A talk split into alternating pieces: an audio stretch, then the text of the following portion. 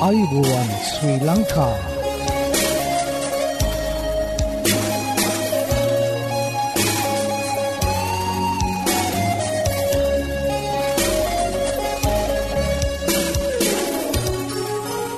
ඔබට සුපදස මේ Adventist world radio බලාපොරොත්වය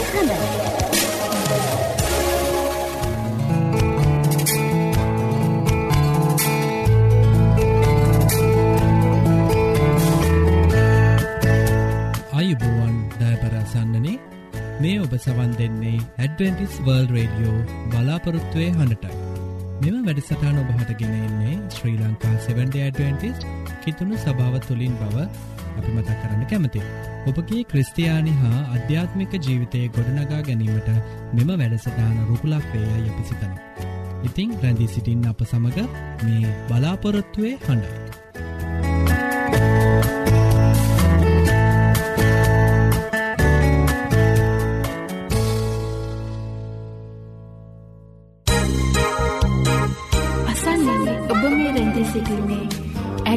ඇඩ්වෙන්ටිස්වර්ල් රේඩිය බලාපොරත්තුවය හඬ සමඟ.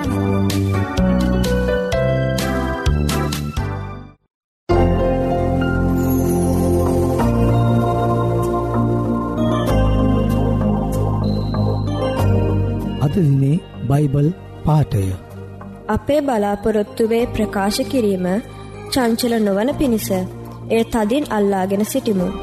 මක් නිසාද පොරොන්දුවදුන් තැනන් වහන්සේ විශ්වාසව සිටින සේක හේබ්‍රෙව් දහය විසිතුන.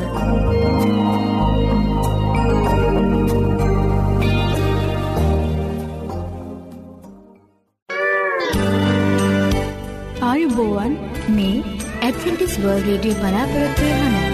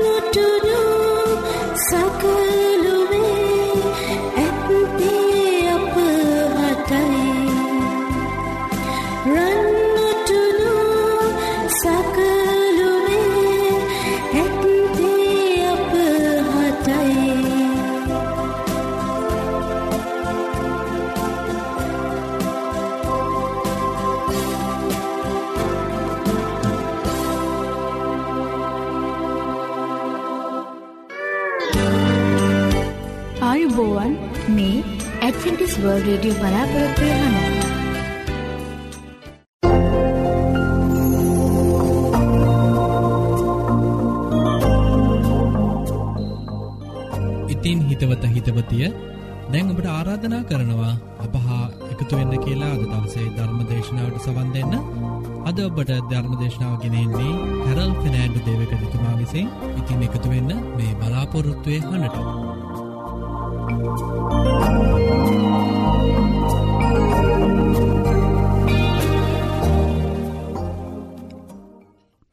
ජේසුස් ක්‍රිස්තුස් වහන්සේ මනුෂ්‍ය පුත්‍රයනෝ කියලා මීට ඉහිත දවසක මම කතා කළා.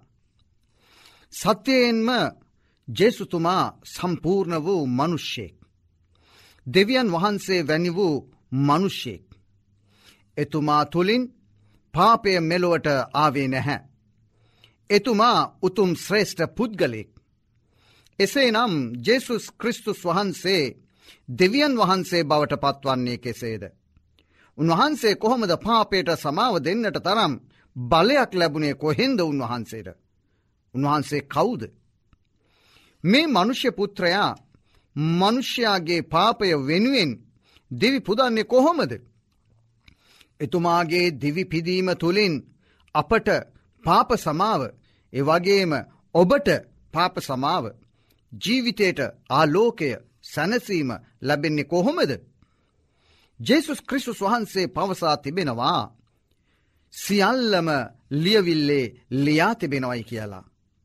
මොකදද මේ ලියවිල්ල දේවවච්චනය බයිබලය අන්න ඒ නිසාම ජේසු තුමාගේ දිව්‍යමය භාවය ගැන දැනගන්නට ඉගෙන ගන්නට අපි දේවවචනය දෙසට යමු. ජේසුස් ක්‍රිස්තුස් වහන්සේගේ දිව්‍යමය ගුණාංග ගැන දේවවචනය මෙන්න මෙහෙම කියනවා. ස්වර්ගේත් පොළවෙත් සියලු බලය එතු මාට තිබෙනවා. මතය සුභාරංචි විසි අටේ දහට. ඒ වගේම යොහන් දාහතේ දෙකත් මෙහෙම කියනවා. ජෙසුස් වහන්සේ ඔවුන් ළඟට ඇවිත් කතහකොට ස්වර්ගෙහිද පොළොවෙහිද සියලු බලය මටදී තිබේ. ඔබගේ පුත්‍රයාට ඔබදුන් සියල්ලන්ට ඔහු විසින් සදාකාල ජීවනය දෙන පිණිස ඔබ සියලු මනුෂ්‍යයන් කෙරෙහි ඔහුට බලය දුන් ලෙසම. මේ නිසාම ජෙසුස් ක්‍රිස්තුස් වහන්සේ සර්ව බලදහාරී. ඒ වගේම සියල්ල දන්නා වූ බව සුදෝ පාවුලුතුමා කොළුසි පොතේ දෙවිනි පරිච්චේදේ තුන්ගනි පදයෙන් පවසනවා. ජේසුස් ක්‍රිස්තුස් වහන්සේ සියල්ල දන්නා සේක. කොහොමද ඒ සුද පවුල්තුමා ප්‍රකාශ කනු ලබන්නේ. ඒ තැනන් වහන්සේ තුළ ප්‍රඥාවත් දැනගන්මෙත් සියලු වස්තු නිදහන කර ඇත්තේමය. ජෙසුස් ක්‍රිස්තුස් වහන්සේ සරුව ඥානවන්තය. ඒ වගේම ජෙසුස් ක්‍රිස්තුස් වහන්සේ සෑම තැනම සිටින බව සුදව මතයුතුමා මෙන්න මෙහෙම කියා දෙනවා. මතය සුභාරංචය විසියාටේ විස්ස දහටේ විස්ස. මා විසින් නුබලාට අන කළ සියල්ලම පවත්වන්ට ඔවුන්ට උගන්වා පල්ලා. මමද ලෝකාන්තිමය දක්වා සෑම කල්හිම නුඹලා සමග සිටිමේ කීසේක. ඒ වගේම මෙහෙමත් කියලා තිබෙන. දෙදෙනෙක් හෝ තුන් දෙනෙක් හෝ මාගේ නාමයෙන් යම්තැනක රැස්ව සිටිත් නම් මම එතන ඔවුන් මැද සිටිමේ කියලා. මේ ජේසුස් වහන්සේගේ පොරොන්දු. බලන ජෙස් වහන්සේ පොරොන්දු කොච්චර සත්‍යතාවෙන් යුක්තද කියලා. මේ නිසා සියලු බල ඇති ජේසුස් ක්‍රිස්තුස් වහන්සේ සෑම තැනම සිටින නිසාත් සර්ුව ඥානවන්ත නිසාත්. උන්වහන්සේට පුළුවන් ඔබගේ ජීවිතයේ දුර්වලකම් අසහන්නකාරී තත්ත්වය ඔබට අවශ්‍ය යහපත්දේ ජෙසුස් වහන්සේට තේරුම් ගන්න පුළුවන් නිසාම එතුමාට පුළුවන් ඔබගේ ප්‍රශ්නවලට විසඳුමක් ලබා දෙන්න. එන්න ජෙසුස් වහන්සේ වෙතට. එතුමාව ඔබගේ ජීවිතයේ පුද්ගලික ගැලවුම් කාරයා ලෙස පිළිගන්න. එතුමාට ඔබගේ ප්‍රශ්න සියල්ලම පවසන්න අවංකව උන්වහන්සීදිරයේ කියා සිටින්න. ඔබගේ පාපය කියා සිටින්න. ජීවිතය තුළ ජයග්‍රහණය ලබාගන්න. ජේසුස් ක්‍රිස්තුස් වහන්සේ දේව පුත්‍රයානෝ නිසාම ඔබට උදව් කරන්නට පුළුවන්. දේව පුත්‍රයාණන් තුළම රැන්දී ඉන්න. ජේසුස් ක්‍රිස්තුස් වහන්සේ තුළ පාපය නැහැ. කුරුසියේ මරණයේදී ඔබගෙත් මගෙත් පාපයේ ශාපය උසුලා එයින් නිදහස ලබා දුන්න අපට. ඔබට. ඒ නිසයි ශුද්ධත්වය ජෙසුස් ක්‍රිස්තුස් වහන්සේගේ ස්වභාවයේ කොටසක් බවට පත්වනේ. ඒ වගේම ජෙසුස් ක්‍රිස්තුස් වහන්සේ මරියතුමිය තුළ පිළිසිඳ ගැනීමේදී දේවදූතයා මෙන්න මෙහෙම කිව්වා. මක්නිසාද පියාණන් වහන්සේ තමන් තුළම ජීවනය ඇතිව සිටින්නාක් මෙන් පුත්‍රයාටත් තමන් තුළම ජීවනය ඇතිව සිටින්නට උන්වහන්සේ වරය දුන්සේක. යොහන් පස්වනි පරිච්චේදේ විසිහාවිනි පදේ. උන්වහන්සේ තුළ ජීවනය තිබුණේය ඒ ජීවනය මනුෂ්‍යයන්ගේ ආලෝකය විය කියලා යොහන් පළමිනි පරිච්චේදේ හතරවෙනි පදයෙන් ශාක්ෂිධරනවා. ජේසුස් ක්‍රිස්තුස් වහන්සේ මෙන්න මෙහෙම කියලා තිබෙනවා. නැවත නැගිටීමද ජීවනයද මමය. මා කෙරෙහි අදහන්නා මල නමුත් ජීවත් වන්නේය. ජීවත්ස්ව සිටින කවුරු නමුත් මා කෙරෙහි අදහන්නේද ඔහු කිසි කලකවත් නොනසින්නේය. යොහන් එකොළහයි විසි පහයිනම් විසිහය. මෙන්න මේ නිසාද ජීවමාන වූ දේවපුත්‍රයාණන් වන ජේසුස් ක්‍රිස්තුස් වහන්සේව විශ්වාස කර එතුමාගේ වචනය අනුගමනය කරන්නේ නම් ඔබගේ ජීවිතයට ඔබට ප්‍රීතිය සාමය පපනක් නොවෙයි සදාකාලික වූ ජීවනයත් ලබාගන්නට පුළුවන්. ලූක්තුමා පළමිනි පරිච්චේදේ තිස් පස්වනි පදයෙන් ජේසුතුමා ගැන මෙන්න මෙහෙම කියනවා. ශුද්ධාත්මයණන් වහන්සේ නුඹ කෙරෙහි පැමිණෙන සේක මෞත්තමයණන්ගේ ආනු භාවේද නුඹ වස්සා ගන්නේය. ඒ නිසා උපදින්ට සිටින තැනැත්තේ ශුද්ධය දෙවියන් වහන්සේගේ පුත්‍රයා නෝයයි කියනු ලබනසේක කියලා.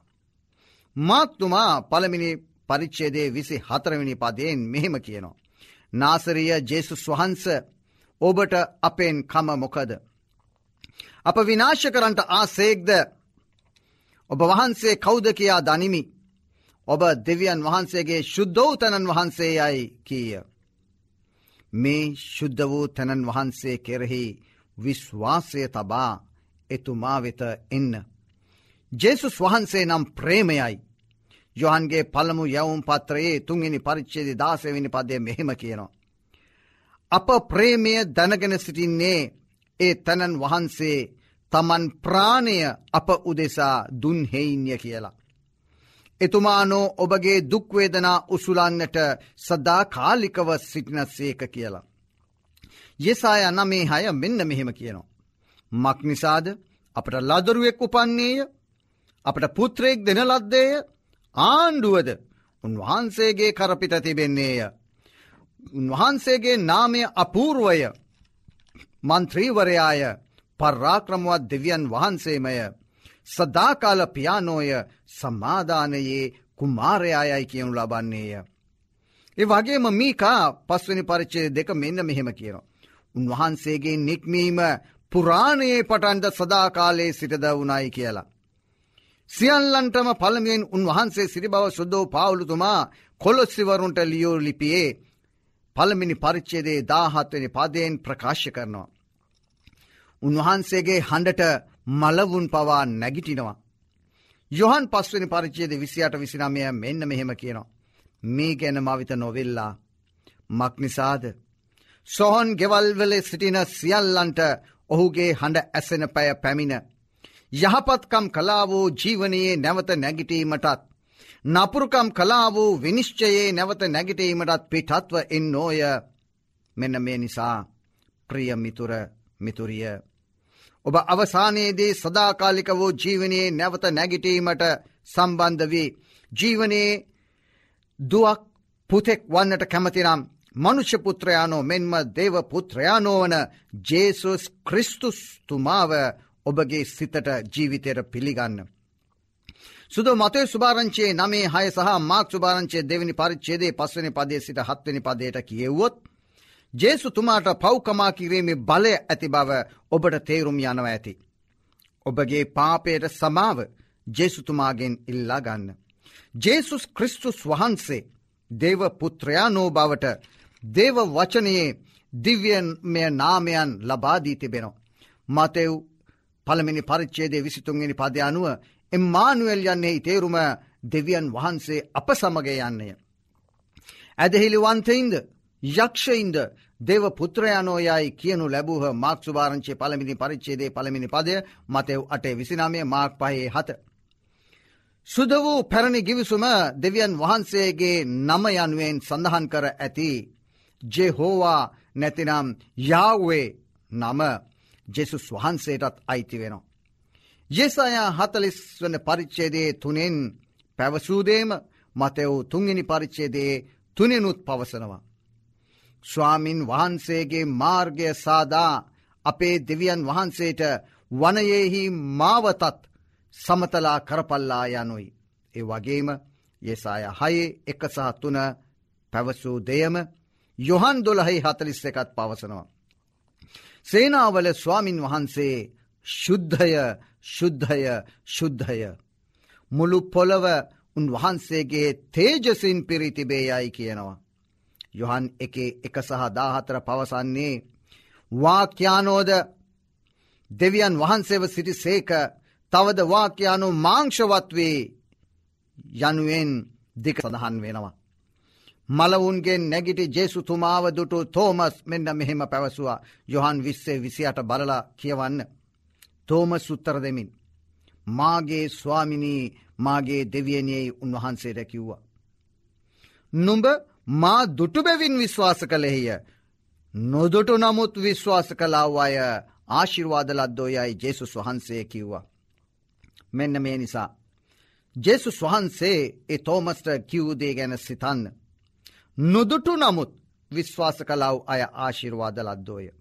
ඔබත් ජීවමාන ජෙසුස් ක්‍රිස්තුස් වහන්සේව දැකලා නැති නමුත් එතුමා තුළ විශ්වාසය තබමින් පාපයේ ගැටලුවටත් ජීවිත ප්‍රශ්නවලටත් විසඳුම ජේසු තුමාම බව පිළිගන්න. ඔබගේ ජීවිතය ආශිරවාදමත් වනවා ස්තේරයි. ජෙස්වාන්සෙකවූදේ යළිත් ඔබට මතක් කර දෙන්නම්. නොදුටු නමුත් විශ්වාස කලාව් අය ආශිරවාදලද්දෝය ඔබත් ජෙසුස් වහන්සේව විශ්වාස කරන්න. සෑම අවස්ථාවකදීම ඔබට ජය ලැබෙයි උන්වහන්සේ තුළ ඔබට සද්ධාකාල ජීවනයත් සමගම ජයග්‍රහණය ලබා ගැනීමට අද ඔබට පාප සමාව ලබාදෙයි. අපි යාඥා කරමු. ජෙසුස් වහන්ස අදතින අපි ඔබ වහන්සේව ශාරරීකව නොදුටුවත්. ඔබහන්සේගේ වචනය තුළින් අද අපි ඔබහන්සේව දකිනවා. ඒ නිසාම ඔබහන්සේට ස්තුතිවන්ත වෙනවා ඔබහන්සේගේ දේව වචනයේ ඔබහන්සේ ගැන සඳහන් කරදී තිබෙන දේවල් ගැන. ආදරණය ජෙසු සම්මිධානනී ඔබහන්සේ ජීවමාන දෙවියන් වහන්සේව සිටියදීම මානුෂිකත්වය ආරගත්තේ මගේ පාපය නිසයි. ඔබහන්සේ මේ ලෝකේ ජීවත් වනේ විවිධ දුක් කරදර මැද මනුෂ්‍යයෙක් ලෙසින් මගේ පාපය නිසයි. ඔබහන්සේ කුර්සිරගියේ කස පහර කෑවි. කටුවටුන්නත් දරාගත්තේ ලේ හැල්වේ කුරුසේ ජීවිතය පූචා කළේ මගේ පාපය නිසයි. මමාද පෞකාර ලෝකය තුළ ජීවත් වෙන නිසා. ලෙඩරෝග මානසික ප්‍රශ්න පවුල් ප්‍රශ්න ජීවිත ප්‍රශ්න විවිධ ප්‍රශ්නවලට මුහුණ දෙමින් මගේ සිත ක්ලාන්තවෙමින් පවතිනවා. ආදරණීය ජේසු සමිධානනී. කුරුසේ ජීවිතය පූජා කලාව මගේ ගැලවුම් කාර ජේසු සමිධානනී. මගේ ජීවිතයට සහනය දෙන්න. මගේ පාපයට සමාව දෙන්න. ඔබ වහන්සේගේ දරුවෙක් බවට පත් කරගන්න. ජෙසුස් වහන්සේගෙනාමෙන් ඉල්ලා සිටිමි. ආමේෙන්. ධෛර්ය බලාපොරොත්තුව ඇදහිල්ල කරුණාවසා ආදරය සූසම්පති වර්ධනය කරමින් ආශ් වැඩි කරයි. මේ අත්හදා බැලිමිට ඔබ සූදානන්ද එසේනම් එකතු වන්න. ඔබත් ඔබගේ මිතුරන් සමගින් සුවසතර පියමත් සෞඛ්‍ය පාඩම් මාලාවට. මෙන්න අපගේ ලිපිනය ඇඩවෙන්ඩිස්වල් රේඩියෝ බලාපොරොත්තුවේ අඩ තැපැල් පෙටිය නම්සේ පා කොළඹ තුන්න. නැවතත් ලිපිනය ඇඩවෙන්ටිස් වර්ල් රේඩියෝ බලාපොරොත්තුවේ හඬ තැපැල් පෙට්ටිය නමේ බිඳුවයි පහ කොළඹ තුන්න.